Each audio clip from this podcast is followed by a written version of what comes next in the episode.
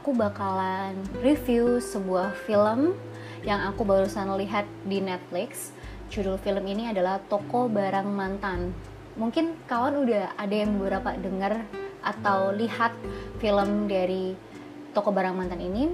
Ya, peran utamanya itu adalah Reza Rardian sebagai Tristan dan ada seorang wanita yang bernama Laras ya yang dimainkan oleh Marsha Timothy.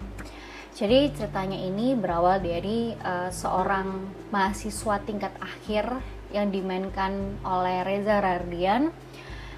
Nah, si Tristan ini digambarkan uh, ciri-cirinya itu adalah dia rambutnya panjang gondrong, pakai kaos vintage, kaos oblong gitu kan, suka pakai kemeja kotak-kotak dan jaket denim dan pakai celana jeans kayak gitu di ceritanya toko barang mantan si Tristan ini adalah mahasiswa yang eh, nggak uh, menyelesaikan skripsinya hampir mau kena DO gitu.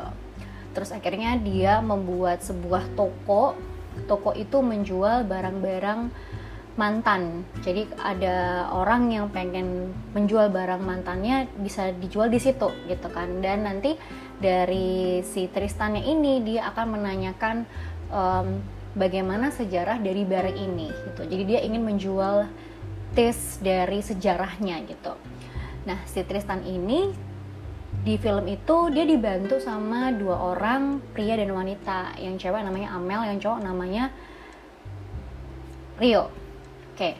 Jadi dua orang ini punya karakter yang beda juga. Si Amel ini karakternya pri, priang banget, ceria banget, cerewet gitu kan. Dia uh, lebih condong dominan juga kalau si Rio ini dia uh, karakternya lebih jadi orang yang penenang, penengah gitu kan ya. Sedangkan Tristan ini karakternya yang cuek, dingin, menggebu-gebu, sarkas gitu, suka nyindir. Uh, dia kalau sama orang kalau nggak suka bawaannya pengen ngajak ribut aja kayak gitu. Nah si Tristan ini menjual barang-barang di toko barang mantan ini dia sengaja nggak menjual online gitu kan karena dia ingin menjual sebuah tes dan feelnya. Dia bertemu dengan orang yang patah hati terus dia ingin menjual barang mantannya dia menceritakan sejarahnya kayak gitu. Jadi dia hanya mengandalkan orang-orang yang datang aja di toko itu. Dan tiba-tiba di tengah film datanglah seorang wanita gitu kan berambut uh, ikal pendek berponi dan itu namanya adalah Laras yang dimainkan oleh Marsha Timothy. Oke, okay, aku udah ngeliat Marsha Timothy sama si Reza Rardian. Itu udah satu frame dan itu mereka punya sama-sama talent yang keren banget kalau dalam memainkan sebuah peran gitu. Walaupun Reza Rardian actingnya jadi anak yang nggak mau ngelarin kuliahnya gitu kan ya. Dia rambutnya gondrong terus dia malas ngurusin kuliahnya karena dia mikir kayak ya udah deh aku bisnis aja kayak gitu. Dan si Reza Rardian ini di cerita toko barang mantan dia punya background. Ternyata dia adalah seorang broken home gitu kan. Di mana si Reza Rardian ini tidak pernah percaya sama namanya cinta gitu. Karena menurut dia kalau misalkan ayahnya itu mencintai ibunya walaupun ibunya meninggal ayahnya tidak akan menikah lagi kayak gitu. Dan ternyata ketika si Laras datang si Amel cerita nih ke Rio. Rio ini di sejarahnya jadi dulu Mas Tristan dan Laras itu adalah legenda di kampus gitu. Karena si Tristan ini adalah dia dulu seorang playboy ibis gitu. Dia nggak pernah bisa pacaran sama satu cewek. Dia pasti pacaran sama tiga dua gitu kan. Tapi kenapa ketika sama Laras dia benar-benar bisa cuma Laras doang dan nggak ada lainnya? Oke. Okay. setelah itu si Larasnya tuh datang uh, ya di framenya itu si Tristana kayak kaget gitu kan. Dia kaget dia bengong gitu. Kenapa ada sosok seorang Laras itu hadir lagi dalam kehidupannya gitu? Karena dilihat dari karena yang aku lihat dari filmnya kayaknya si Tristan ini tuh kayak dia udah di speed banget sama namanya cinta dia. Kayak udah dia selalu bilang dia selalu bilang apa tuh cinta? Cinta tuh kayak kucing dia selalu mengatakan itu jadi kayak dia nggak akan pernah percaya sama apa itu namanya cinta. Oke. Okay. dan akhirnya Laras datang matanya si Tristan tuh langsung terbuka lebar gitu ya. Namanya orang tertarik melihat seseorang yang tertarik di depan uh, menarik di depannya tuh dia pasti langsung wow gitu kan. Oke. Okay? terus akhirnya si Laras ngomong sama Tristan gitu ah, aku mau ngasih tahu kamu sesuatu gitu. Aku nikah. Awal si Tristan kayak nebak-nebak gitu kan ah, emang siapa yang nikah? Siapa yang nikah? gitu. Aku Tristan gitu. Tiba-tiba dia ngasih undangan ke Tristan gitu kan. Bayangin aja lama nggak ketemu ketemu tiba-tiba ngasih undangan nikah gitu. Oke terus akhirnya si Tristan galau lah. Galau galau galau galau gitu kan. Dia ternyata balik ke tempat tinggalnya dia gitu. Terus si Larasnya itu juga nanya yang gimana? Kuliah kamu udah kelar atau belum? Gitu. Kayaknya digambarkan di film ini tuh si Laras tuh adalah wanita yang berpendidikan dia wanita yang sangat memperhatikan waktu kelulusan gitu kan. Dia kayak nggak suka sama tipikal cowok yang terlalu molor-molor waktu untuk lulus gitu kan ya. Kayak gelarmu tuh apa? Kayak gitu. Yang kalau aku dapat dari filmnya itu seperti itu karena ternyata si Laras ini tuh dia menikah dengan seorang lulusan uh, universitas yang mempunyai gelar cukup lumayan cukup lumayan banyak gitu. Maksudnya cukup banyak gelarnya gitu kan ya. Ketimbang si Tersan ini yang S1 aja nggak kelar-kelar gitu kan. Dan dia nanyakin lagi e, gimana kamu sama papa kamu gitu? Gimana kamu sama papa kamu? Dan gimana kamu sama materi kamu? Dan di situ aku melihat bahwa si Laras ini sebenarnya peduli banget sama hidupnya Tristan gitu kan. Ada beberapa part-part yang menurut Laras itu harusnya Tristan perbaiki. Kayak misalkan dia mengkelarkan skripsinya terus dia harusnya memperbaiki hubungan dengan uh, papa dan mama tirinya seperti itu. Tapi ternyata uh, si Tristan bilang ya ya gue masih begini aja gitu. Dia nggak ada yang berubah gitu kan. Terus si Laras bilang ya kamu nggak akan pernah berubah gitu kan. Terus akhirnya beberapa kali si Laras ini setelah kejadian itu dia datang lagi ke tokonya si Tristan. Dia datang lagi ke tokonya Tristan. Ternyata dia mau nanyain nih um, tan eh sorry dia manggilnya Tris Tris. Manggilnya Tris. Eh Tris gue ke sini mau ini nih mau nanyain menurut lo uh, souvenir nikahan yang paling bagus yang mana ya? Gitu karena kan lo seleranya bagus nih gitu kan. Oke dia akhirnya ke tokonya Tristan itu hanya untuk nanyakin menurut kamu ini ada tiga pilihan souvenir nikahku sama calonnya itu mana yang paling bagus? Gitu. Ternyata mereka berdua punya kesan punya um, selera yang sama pilihan yang sama. Oke akhirnya ad, akhirnya di part berikutnya si Laras datang dengan wajah sedih gitu kan dengan wajah sedih dengan uh, nada bicara yang rendah gitu dengan tatapan yang sayu gitu kan. Terus nanya lo kenapa? gitu. Dia tiba-tiba bilang gue mau jual cincin ini gitu. Dia bilang sama Tesan dia mau menjual cincin uh, pertunangannya dia gitu kan. Pertunangannya dia dia mau jual. Si Tesan nanya lo beneran serius mau putus dari dia gitu.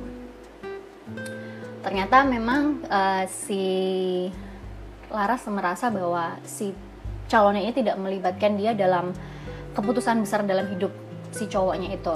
Karena ternyata uh, waktu si Laras milih barang souvenir untuk pernikahan itu uh, si Tesan kan nanya ke mana calon lo gitu ke mana calon suami lo gitu. Ternyata calon suaminya lagi di Bandung bilangnya lagi ngurusin pernikahan gitu. Ternyata uh, calonnya ini ke Bandung cuman ngurusin visa untuk dia bisa uh, kerja di Belanda kayak gitu. Dan di situ si Laras merasa kecewa. Akhirnya uh, karena dia bilang terlalu banyak masalah-masalah kecil yang kita anggap sepele dan kita tumpuk akhirnya di malam itu kita uh, puncaknya akhirnya aku memutuskan untuk putus kayak gitu secepat itu dia melakukan keputusan untuk uh, meninggalkan si calon suaminya itu. Dan di situ namanya cowok ya dia nggak mau kehilangan kesempatan kedua gitu kan. Entah kedua entah ketiga. Tapi di film itu aku melihat bahwa si Tristan ini dia pengen banget bisa dapat momen itu lagi dia balikan sama si Laras. Oke akhirnya dia kasih lah itu ke Laras. Terus besoknya tiba-tiba ada di scene bahwa si um, Tristan ini jemput si Laras gitu jemput kerja si Laras. Ceritanya, ceritanya nih si Laras ini kan cewek cantik di kota metropolitan berpendidikan gitu penampilannya business woman banget. Tapi dia kerja di kantoran sih tapi penampilannya tuh kayak business woman gimana ya ya wanita pekerja gitu kan ya wanita perkantoran lah ya gitu bukan business woman sorry. Maksudnya wanita perkantoran gitu kan ya. Penampilan wanita perkantoran dijemput seorang Tristan yang cuman pakai sneakers jeans ripped jeans ya celana jeans robek-robek pakai kaos kemeja kotak-kotak rambut gondrong panjang dan uh, brewok yang tidak dicukur. Dan sedangkan si Lars ini adalah cewek yang menjaga penampilan banget rapi banget gitu kan. Terus akhirnya mereka pergi mereka pergi ke GBK mereka jalan-jalan terus mereka minum di pinggir jalan kayak gitu kan. Mereka flashback momen mereka gitu.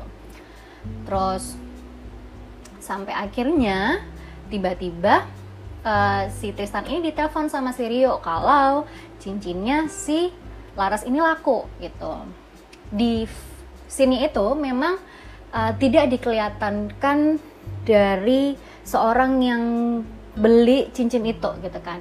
Aku udah bisa nebak sini sebenarnya siapa yang beli cincin itu. Cuman aku nggak mau uh, apa ya nggak mau tahu duluan gitu kan ya. Jadi aku tunggu aja oke. Okay. dan ternyata laku cuma 2 juta gitu. Akhirnya dikasih kan tuh cincin gitu. Udah. Terus ternyata si Lars nanya e, jam tangan dari aku udah kamu jual gitu. Si Tristan bilang oh udah gue jual udah lama kok gitu dan di situ si Laras merasa kayak oh, oke okay, gitu. Dia kayak sedih di situ. Udah kebesokan uh, keesokan harinya si Laras tiba-tiba datang ke Tristan gitu kan. Tiba-tiba dia datang ke Tristan. Dia bilang gitu kalau aku balikan lagi sama si calonnya itu dan ternyata sebelum hal itu terjadi si Tristan sendiri itu ternyata um, dia sepengecut itu untuk menyatakan perasaannya sama si Laras itu. Dia nggak punya cukup keberanian untuk benar-benar mengungkapkan perasaannya sama si Laras gitu. Walaupun mereka itu uh, diceritakan mereka adalah seorang sepasang kekasih tapi di scene itu si Tristan ini memang seorang cowok yang cool. Dia maunya uh, menunjukkan kasih sayangnya tuh dengan perbuatan dengan uh, apa yang dia perjuangkan gitu kan untuk seorang yang dia cintai gitu kan. Bayangin aja dari seorang playboy yang bener-bener dia punya mantan banyak sampai akhirnya dia bisa stop di satu cewek dan sampai sekarang setelah dia bertahun-tahun uh, jauh dari si Laras itu dia masih belum bisa move on gitu. Karena si Tristan merasa kayak kamu nggak pernah mening gak pernah memberikan kata-kata kita tuh putus tapi kamu pergi begitu aja ketika kamu marah gitu kan. Terus akhirnya si Laras kembali uh, dia ngasih tahu kalau dia itu sudah kembali lagi sama calonnya. Dan sebenarnya Tesan tuh sudah mempersiapkan banget uh, dia ingin menyatakan dia cinta sama si Laras gitu dengan kata-kata gitu kan. Karena selama dia nggak pernah mengungkapkan kata-kata cinta Laras selalu menganggap bahwa Tristan kamu nggak ngerti cara mencintai orang.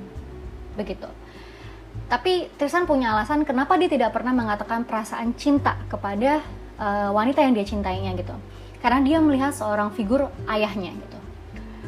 Um, di situ dikatakan Tristan cerita bahwa ayahnya ini dulunya ketika mama ketika mamanya dia yang sudah meninggal itu waktu hidup papanya setiap hari bilang I love you aku mencintaimu aku sayang sama kamu setiap harinya setiap harinya dia bilang kayak gitu ke mamanya sampai dia merasa bahwa wow mereka tuh endless love ya gitu kan. Sampai pada akhirnya setahun pas mamanya Tristan meninggal ternyata papahnya menikah dengan wanita lain. Di situ Tristan membuat kesimpulan bahwa orang yang mengatakan cinta tapi ternyata masih bisa mencintai orang lain itu bullshit. Tai kucing kata dia. Bohong. Cinta kok kayak gitu. Harusnya kalau lo cinta lo nggak kayak gitu gitu. Dia menganggap dia punya prinsip bahwa itu bukan cinta. Ketika kamu mengatakan setiap hari tapi ternyata kamu berujung kamu memilih untuk mencintai lagi orang lain kayak gitu. Dan sampai Nadia sorry sampai si Laras kembali pun dia tetap nggak tidak mengatakan cinta gitu. Padahal sebenarnya si Tristan ini nyimpen sebuah cincin gitu. Dia memang pengen lamar si Laras sebenarnya. Cuman dia nggak pernah bisa dapetin momen itu gitu. Dia simpan cincin itu. Dia ada cin simpan cincin dia memang sebenarnya pengen mengatakan cintanya dan dia pengen melamar Laras gitu kan. Ketika Laras datang memberitahu itu dan si Tristan ini merasa Laras ini kayak ngasih aku harapan tinggi gitu kan kamu datang kasih tahu aku mau nikah. Terus kamu datang nanya aku e, ini souvenirnya kayak gimana yang bagus? Dan kamu datang lagi kamu bilang kamu putus sama tunangan kamu kamu jual cincin kamu. Maksudnya tuh apa? Mau kamu gimana? Gitu kan. Dia kan dia nanya sama si Larasnya dan Laras bilang aku tuh selalu bertanya apakah kamu ini beneran cinta sama aku? Gitu. Dan si Tristan tuh hanya selalu bilang kamu nggak pernah melihat apa yang aku lakukan untuk kamu. Aku buat usahaku ini sampai akhirnya aku memutuskan untuk mengonlinekan barang-barang mantanku di toko barang mantanku ini itu demi kamu gitu kan. Demi kamu um, karena ya itu tadi aku nggak perlu lah mengatakan cinta gitu. Karena bagi Tristan itu ketika dia mencintai seseorang dia akan membuktikannya dengan dia berjuang untuk orang itu. Dan dia menyalahkan Laras gitu. Kamu nggak pernah menghargai perjuangan orang sedikit sedikit sekecil pun gitu kan. Karena ketika uh, Laras datang dan dia memberitahukan bahwa dia sudah balikan itu pemicunya adalah si Tristan itu ternyata tidak benar-benar menjual jam tangan yang dia kasih si Laras kasih. Jadi si Tristan itu uh, nyimpan sebenarnya uh, jam tangan itu, tapi dia mungkin merasa kayak ah yaudah deh aku jual dengan aku jual jam tangan ini aku kasih caption di Instagram itu di toko jualan online itu bahwa aku mencintai orang yang ada di uh, aku mencintai orang yang memberikan jam tangan ini maksudnya. Oke. Okay. Nah si Laras kecewa gitu si Laras kecewa dia merasa kayak jadi gini cara kamu menyampaikan perasaanmu ke aku gitu. Akhirnya barang aku barang dari aku kamu jual gitu kan. Karena dia sebenarnya nggak Laras nggak pingin dia disama-samain kayak mantan mantan sebelumnya yang barang-barangnya dijual sama dia gitu. Terus akhirnya si Laras bilang kamu nggak pernah tahu cara mencintai seseorang gitu. Tapi si Tisan selalu membela bahwa kamu gak pernah menghargai apa yang aku lakukan selama ini itu semua aku lakukan untuk kamu.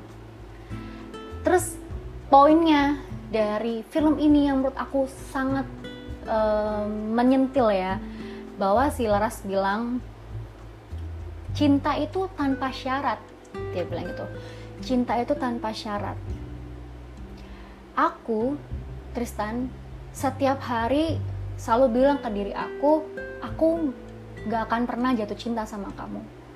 Dia bilang gitu.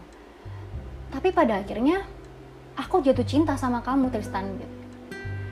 Dan aku mencintai kamu tanpa syarat dia bilang gitu.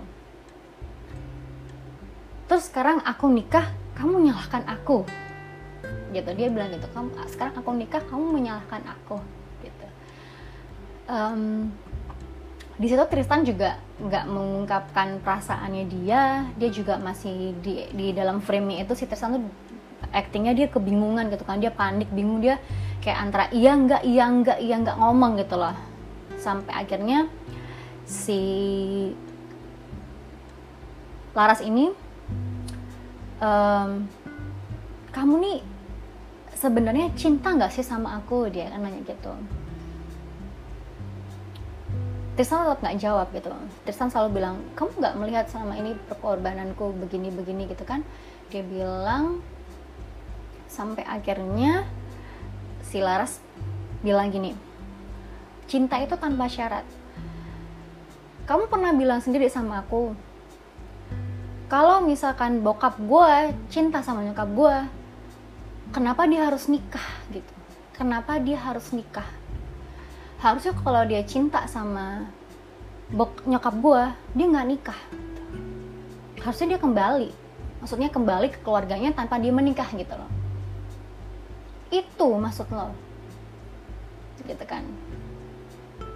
Dan Tristan bilang juga percuma percuma percuma gue ngungkapin perasaan gue kalau apakah lo akan balik ke gue?